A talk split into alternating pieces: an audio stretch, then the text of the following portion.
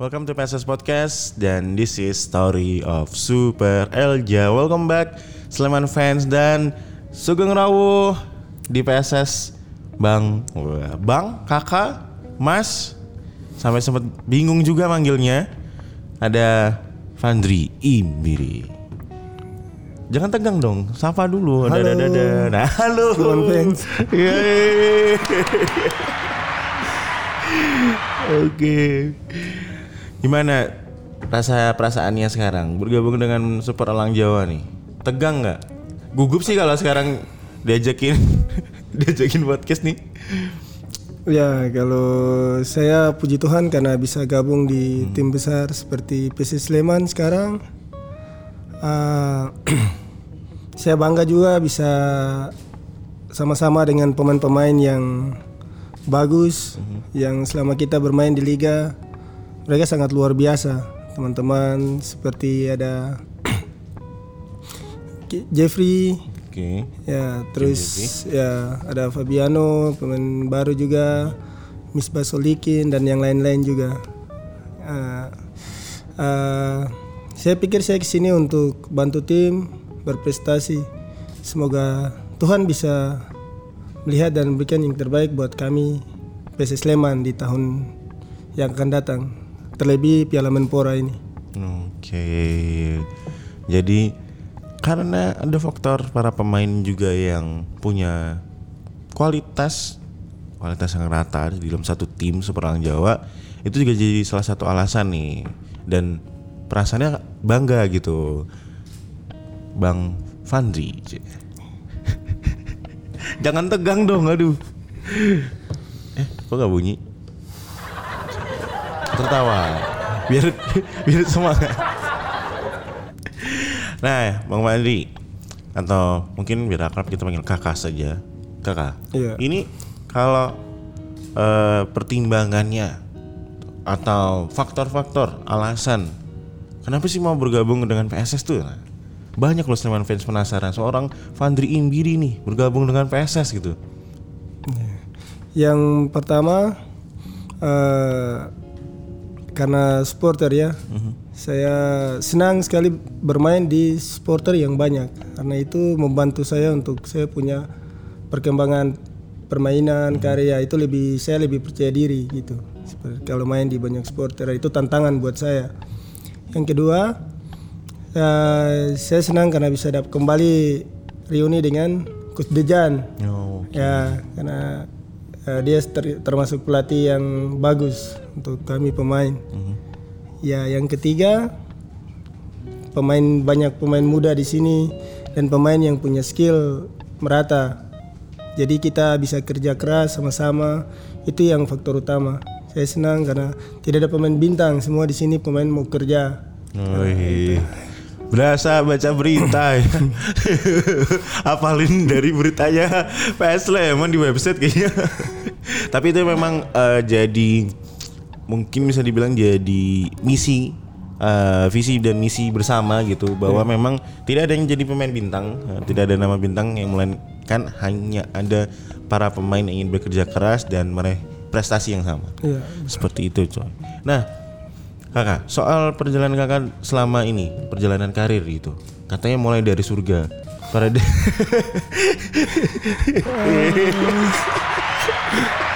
akhirnya tertawa. Nah, di Paradise Sentani ya, benar Ya, ya, Paradise. Paradise, Paradise Sentani. Sentani, ya. Nah, itu awal mulanya berkarir sepak bolanya dan Ya. hingga eh, masuk ke Persipura, terus kemudian ke Madura United juga sempat eh, panggilan seleksi untuk timnas juga gitu kan. ya benar. Ceritain dong pengalaman awal karirnya seorang Fandi Imbiri itu gimana sih sebenarnya? Oh ya, jadi eh, awal mula eh, saya pemain abal-abalan gitu ya, pemain jalanan ya. Jadi setiap pergi sekolah atau ke mana gitu kita selalu bawa bola plastik untuk bermain, main. Belum ada tahu posisi ya. Oh street football ya? Ya, terus tiba-tiba eh, pelatih lihat pelatih Agung namanya, Pri Agung, pelatih Paradise. Dia suruh saya bergabung untuk berlatih di dalam klub itu Paradise. Ah, di Kabupaten Jayapura, Paradise itu satu klub yang ya luar biasa ya. Dia banyak orbitkan pemain bintang di situ. ya bukan pemain bintang tapi pemain profesional. Seperti ada Anis Nabar, teman saya waktu di Sriwijaya. Terus eh, banyak senior-senior juga yang lain yang sudah apa? Selesai juga banyak pemain liga dari situ, Paradise. Ah, dari situ saya ke Persipura usia dini. Nah, Persi- Persipura usia 18 tahun. Ah, dari Persipura 18 tahun saya dipanggil ke Popil. Popil, Popnas, terus Prapon, Pon 2000 dua Pon Rio wak- waktu itu, Pon Rio, ya. Jadi satu angkatan dengan Bayu Gatra, Oke, ya itu Bayu kita. ah. Nah, setelah itu keluar dari Pon, saya sama teman saya Nelson Alom gabung ke Persipura. Persipura tahun pertama gabung kita juara waktu itu juara runner up juara lagi ya terus saya keluar saya sempat ke timnas 23 ya selection waktu itu sama coach R- Rahmat Darmawan cuman hari eh, waktu ke timnas saya bukan main di stopper No. saya main di bek kanan Mhm. Nah, nah, kebetulan main bek kanan. Setelah itu saya selesai dari situ saya tidak lanjut. Saya balik kembali ke Persipura. Persipura. Ah, setahun terakhir selesai. Saya ke Semen Padang. Semen Padang satu mus satu setengah musim di Semen Padang. Ah, Semen Padang. Setelah itu saya ke Persebaya. Persebaya Ketemu Misbah. Ya, ketemu Bisba sama Irfan Jaya waktu itu Liga 2. S- Terus eh iya, Misbah Irfan. Ya itu. Itu saya. Sa- Sama Misbah Irfan sama Misbah Gusulikin. Ya. Kita bawa Persibaya sama-sama juara Liga 2. Saya, saya masih lanjut satu tahun satu tahun lagi di sana. Ah, setelah dari situ saya gabung Madura. Jadi eh, ceritanya juga lucu. Seben- sebenarnya Kenapa? waktu saya ke Madura itu kan banyak banyak eh, ya namanya fans fans saya. ya. Ah, mereka agak sedikit Komentar lah ya. Ya, komentar agak sedikit. Kenapa keluar di sana ada ya eh, Farudin ya pemain pemainnya timnas ya, main timnas ada Jemerson waktu itu Persija baru juara. Terus dia pemain termahal, stopper termahal ya. Adi ada banyak pemain bagus di sana. Kenapa kamu ke sana gitu? Ya, saya tidak pernah pi- berpikir bersaing atau apa tidak. Saya selalu pergi ke satu tim itu untuk buat yang terbaik dari saya pribadi. Karena yang saya andalkan hanya satu. Saya punya Tuhan. Nah, yang kedua saya harus kerja keras. Yang lain daripada itu itu nanti hasilnya dari belakang. Iya. Jadi itu prinsip saya sebagai pemain sepak bola. Seperti itu. Oh. Kalau misalnya kalian mau jadi pemain bola, mungkin ada adik-adik kita yang nonton kan. Jadi pemain bola itu juga perlu dipersiapkan karena sometimes di dalam sebuah tim kita nggak bisa bohong kalau ada kompetisi juga di situ gitu ya untuk mendapatkan posisi starting eleven gitu atau 11 utama dari pelatih gitu. Jadi memang perlu kerja keras terus perlu mental yang kuat juga dan percaya sama apa yang dimiliki gitu Iya. kan. Mantap sekali mantul. Nah, Kakak Fandri, kalau untuk nomor punggung besok nih kan baru bergabung. Besok kira-kira pakai nomor punggung berapa di PSS? Udah kepikiran belum nih? Ya sudah. Saya pakai nomor punggung 4. Oke. Ada alasannya nggak tuh? Eh, sebenarnya saya nomor punggung 21 ya. Mhm.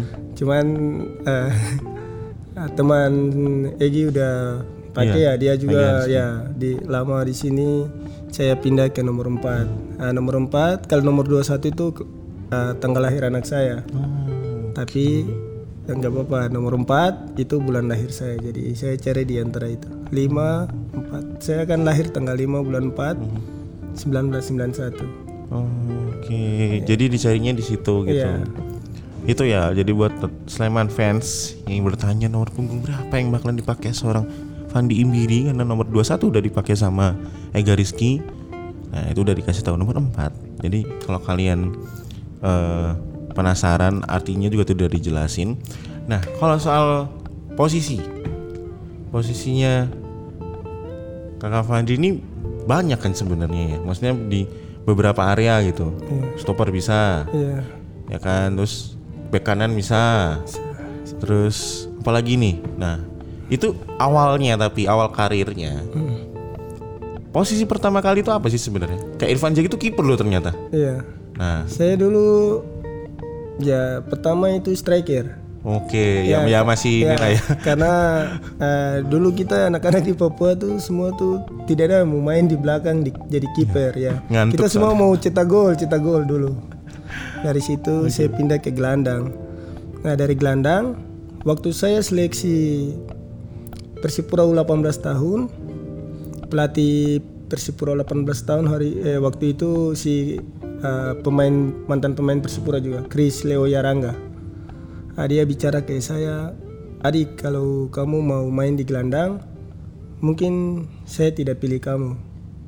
Tapi kalau kamu tidak keberatan, saya mau kamu main di stopper. Ini masih ada waktu 30 menit waktu itu. Dia suruh saya main di stopper.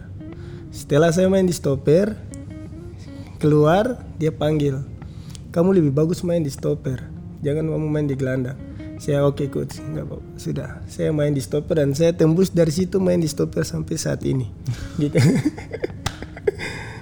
Oke, jadi memang di posisi stopper yang Iya. dijalani sekarang ditemukan secara alami ya sebenarnya melalui proses. Iya. Karena awalnya juga nggak nggak bukan sporter eh sporter kan jadi stopper. Iya. Nah, akhirnya jadi stopper hingga sekarang seperti itu, man. Nah, kalau misalnya besok nyetak gol pertama gitu. Iya. Nyetak gol pertama buat PSS gitu, buat Sleman fans.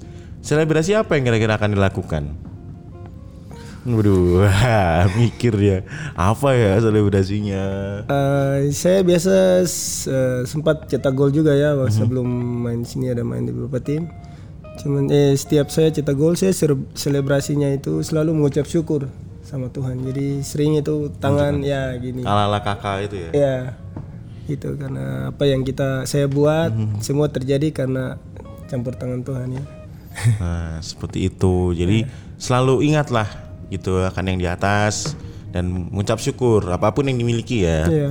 Seperti itu poinnya dan kalau soal ngomongin target nih.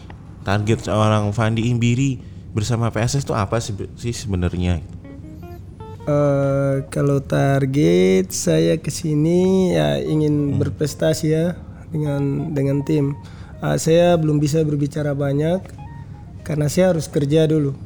Tapi saya punya target pribadi ingin buat sesuatu prestasi buat PSS Sleman itu saya. Jadi saya harus kerja.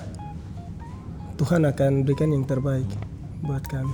Oke, seperti itu. Jadi Sleman fans yang bertanya target seorang Fandi Imbiri apa nih di tim? Nah, targetnya adalah membawa prestasi ke dalam tim PSS. Kemudian nih untuk eh, tekanan pasti kan ada gitu kan tekanan terus harapan ekspektasi dari supporter gitu biasanya kalau kakak Fandi Imbiri tuh ngelawan ah bukan ngelawan apa ya Em, bertahan agar tidak terpengaruh dengan permainannya itu gimana caranya tekanan dari supporter mental Eh, itu sebagai motivasi. Kalau saya itu sebagai motivasi ya. Eh, ya saya sempat di Persibaya ya. Eh, supporternya sama Gi. Sama seperti spesies Sleman ya, bonek ini sama. Eh, situasi yang saya dapat sama, cuman saya lebih fokus ke permainan. Jadi ketika ada masukan mau baik atau buruknya itu saya jadikan pelaj- pelajaran ya jadi saya lebih fokus oh ini berarti ini untuk untuk saya pribadi mereka mau saya harus bagus mereka harus jadi mereka komentar saya itu untuk hal yang saya selalu berpikir positif gitu ya tidak Oke, seperti itu. Selalu berpikir positif. Jadi kalian juga bisa memberikan kritik dan saran, tapi sekali lagi untuk tetap memberikan kritik dan saran dengan bahasa yang baik dan sopan aja ya. Iya. Jadi enak juga orang mau baca kritikan, terima kritikannya juga bisa lebih masuk gitu. Oke, kakak Fani Imbiri, terakhir nih. Yoi, terakhir pertanyaan dariku. Boleh dong kasih salam ke Sleman fans. Terima kasih eh, mengucapkan terima kasih mungkin sama Sleman fans yang udah support tuh di apalagi waktu berita transfer Fandi Imbiri bergabung dengan PSS, wuh heboh. Nah mungkin bisa sapa-sapa terus atau mau ngucapin terima kasih udah menyambut eh, kakak Fandi Imbiri ke Sleman. Monggo silakan. Halo Sleman fans, terima kasih karena sudah bisa menerima saya di PC Sleman. Saya bangga memiliki kalian. Kalian adalah motivasi buat saya. Eh, semoga ke depan kita sama-sama saling mendukung untuk membawa jaya PC Sleman. Ale. Ale, mantul, mantul. Oke kalau begitu man, terima kasih sudah menyaksikan Story of Super Elja kali ini. Sampai jumpa di episode selanjutnya. Ciao.